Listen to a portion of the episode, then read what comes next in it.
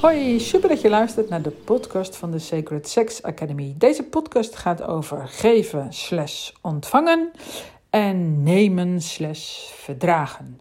Mijn naam is Judith Bruin, ik ben de oprichter van de Sacred Sex Academy. De academy waar je je seksuele energie uh, gaat leren belichamen. Dat is belangrijk, want je bent een seksueel wezen. Ik ben daarin aan het pionieren, dus vind je het leuk om deze podcast te beluisteren of, of heb je al meerdere beluisterd, abonneer je dan.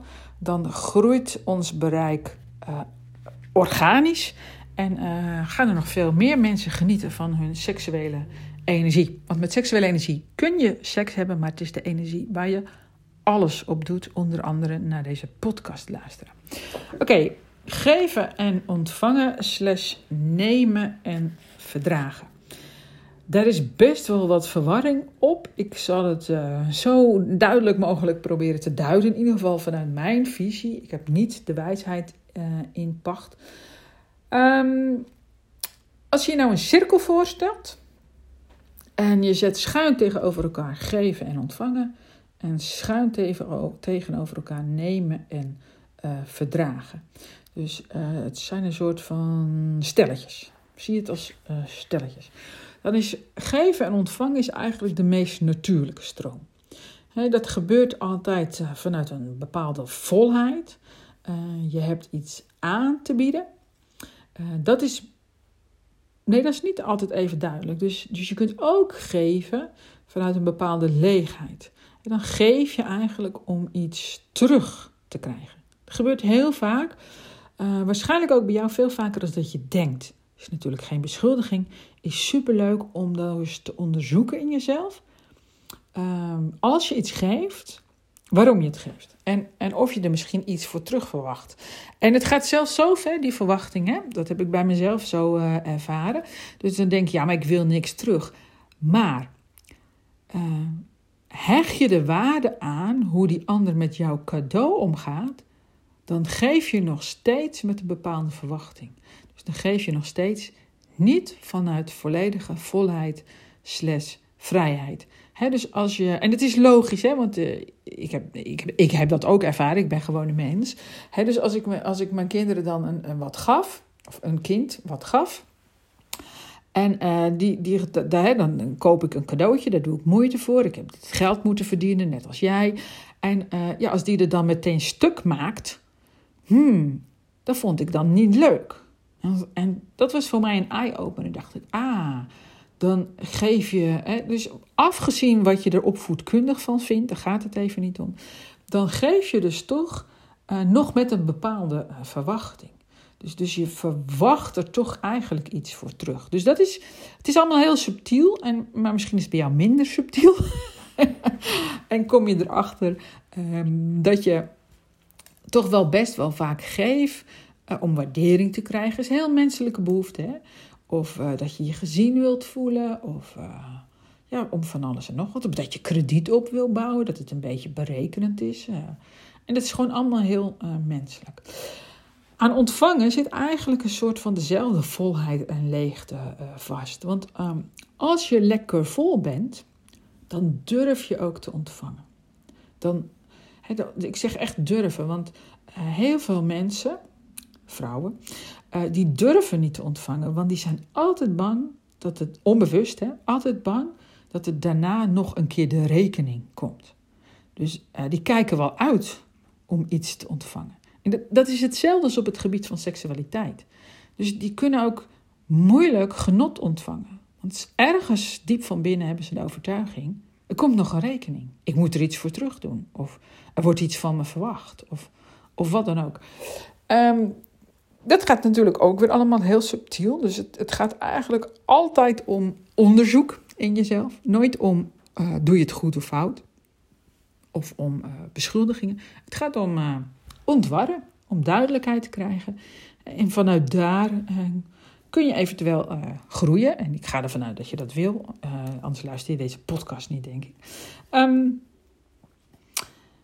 geven en ontvangen is zou gelijkwaardigheid op moeten leveren, zou gelijkwaardig moeten zijn. Dus als je vanuit volheid geeft en vanuit volheid ontvangt, dan ontstaat er een stroming, een hele natuurlijke stroming. Um, dat gaat ja, zover dat je ook jezelf daarin steeds beter leert kennen. Je opent steeds meer uh, deuren in jezelf. Ik had uh, een podcast gemaakt over lichaamsbewustzijn en gevoelsbewustzijn. Dat gaat een beetje over dat openen van die deuren.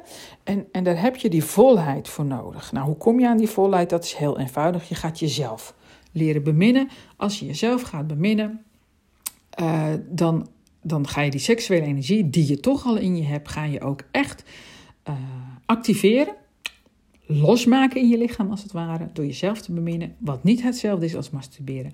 En uh, dan ga je dat op een andere manier door je lichaam laten stromen en dan raak je lekker uh, vol. En dan ontstaat er veel meer ruimte.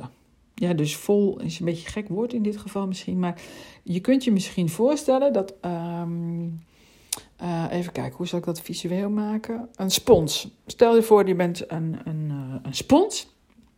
En al het vocht wordt uit je vandaan geknepen. Uh, dan word je kleiner en dan krimp je als het ware. En, en alles, alle celletjes komen veel dichter bij elkaar. En als je nou weer uh, het vol met water doet, water is, water is vergelijkbaar met seksuele energie, dan zet zwelt de pomp, uh, spons weer op. Hè, dus de spons wordt groter. Er ontstaat door de volheid meer ruimte, meer beweging, meer veiligheid ook in jezelf. vanuit die volheid kun je je beter afstemmen. Je ziet jezelf, je hoort jezelf. Dus dus je, je voelt je ook sneller gezien en gehoord en geliefd uh, door de ander. Dus ga dat doen. Ga even naar sacredsex.nl slash training. Of trainingen. En dan, uh, dan zie je wat er allemaal mogelijk is. Um, nemen en verdragen is, is dus dat andere koppeltje, zeg maar, stellen. Stellen andere stel. En dit ontstaat heel vaak vanuit een patroon, wat je bijvoorbeeld ziet in je omgeving, ziet bij je ouders. Het ontstaat sowieso vanuit een leegte. Het is ongezond. Um, het is belastend, schadelijk, beperkend. Het is eigenlijk zeg maar een soort van niet veel goeds aan. Of ik zie het goede even over het hoofd. Misschien kom ik er later nog op. Um, het gebeurt veel vaker dan dat je denkt dat je neemt. Dat je eigenlijk denkt dus dat je iets geeft. Maar als je geeft met een verwachting, dan neem je eigenlijk, zonder dat je het waarschijnlijk bewust bent. En ja, dit komt dus voort uit die bepaalde leegte, uit je niet goed genoeg voelen. Het is een soort van lijdensweg met een lange ei. En um, eigenlijk elke keer dat je neem of verdraag, raak je een stukje bij jezelf vandaan. Je raakt een stukje vervreemd van jezelf. En je kunt het ook beschouwen als uh, stapeltrauma. Stapeltrauma heb ik ook over geschreven op, in, mijn website. Ik hoop dat je dat terug kunt vinden. Um, en hoe doorbreek je dit nou eigenlijk? Hè? Want daar is wel leuk zo'n podcast. Maar um, nou ja, dat, hoe je doorbreekt weet je al. Dan ga je jezelf beminnen. Maar hoe vaak komt het nou eigenlijk uh, voor? Het is het nemen en verdragen is ook een soort van uh, ja, ongelijkwaardigheid is het, maar ook, het kan ook een machtspelletje zijn. Hè? Dus um, stel je voor dat je iets verdraagt. Dat kan zijn uh, vanuit uh, die leegte. dat je niet beter weet. Dat je denkt, nou ja, ik laat het maar gebeuren en ja, het zal er wel bij horen of zo. Maar verdragen kan ook een soort van opbouwen zijn van krediet. Dus het kan ook een soort van koehandel worden. Van ik verdraag dat jij dit met mij doet. Uh, dus dan wil ik dat en dat en dat. Kan zomaar gebeuren. En um, ja, dat komt natuurlijk voor uit een, een, uh, een afhankelijkheidspositie. Dus al zou je vol zijn van jezelf, dan kun je ook ten eerste alles geven aan jezelf wat je nodig hebt. Maar je stopt ook met verdragen. En dat is in mijn ogen super belangrijk. Dat, dat zie ik ook in, in, de, de jaartraining voorbij komen. Hoe uh, vrouwen, meest vrouwen, eerst boos worden op zichzelf. Dat ze dit al die tijd hebben toegestaan. Maar dat gaat allemaal onbewust. Hè? Maar goed, die boosheid is ook, als je dat goed gebruikt, een kracht. Een kracht om te voelen: oké, dit ga ik niet meer doen. Dit heb ik altijd verdragen, maar eigenlijk is het mijn grenzen overschrijden. Ga ik dus niet meer doen. Ga ik ook aangeven. Dan geven ze dat vaak in eerste instantie vanuit boosheid aan. Dat zorgt wel eens wat voor uh, problemen. Maar goed, als je een beetje een stabiele relatie hebt, overleeft die dat. En dan kun je het uh, meer vanuit die volheid gaan aangeven. Gewoon heel duidelijk, uh, zonder lading, aangeven wat je wel en niet gaat verdragen. En dan ook natuurlijk wel een beetje opletten van in wanneer je iets neemt. En dat is ook, kan ook heel subtiel zijn. Het kan heel duidelijk zijn, maar het kan ook heel subtiel zijn. Het kan ook zijn dat je van iemand tijd neemt. Of uh, aandacht neemt. Of, um, nou ja, dat. Dat je, dat je een soort van opeist. Opeisen is ook uh, nemen. Klagen is ook een vorm van nemen. He, degene tegen wie je klaagt, die moet het dan maar verdragen. Dus, dus het is ook een vorm van nemen. Eisen stellen is een vorm van nemen. Kleineren. Kleineren is ook een vorm van nemen. Het is een hele negatieve manier van nemen, maar je neemt iets en de ander moet het dan weer uh, verdragen. Dus uh, nou, ik zou zeggen, uh, nodig jezelf uit uh, tot het onderzoeken wanneer je geeft en ontvangt. Of wanneer je neemt en verdraagt. En dat is gewoon super interessant. En, en als je daar wat meer inzicht zelf in krijgt, als je daar wat meer bij gaat voelen, ja, wordt je leven alleen maar leuker uiteindelijk. Het is niet altijd leuk hoor om te ontdekken wat je doet en hoe je zelf in elkaar steekt. Het is, het is best wel confronterend, vind ik. Ik vind het best wel confronterend af en toe als ik ontdek. Ah, hier neem ik dus uh, gewoon. Of, en, en wat ik trouwens vaak veel pijnlijker en verdrietiger vind ook, is, is als ik erachter kom wanneer ik dingen verdraag. Dat ik denk, ah, dat doe ik echt mezelf aan. Daar kan ik echt niemand de schuld van geven. Natuurlijk is er iemand anders die neemt, maar ik ben degene die het verdraagt. En, en dat is echt mijn pakje aan, dat ik dat niet meer doe. Dat ik voor mezelf daarin uh, ga staan.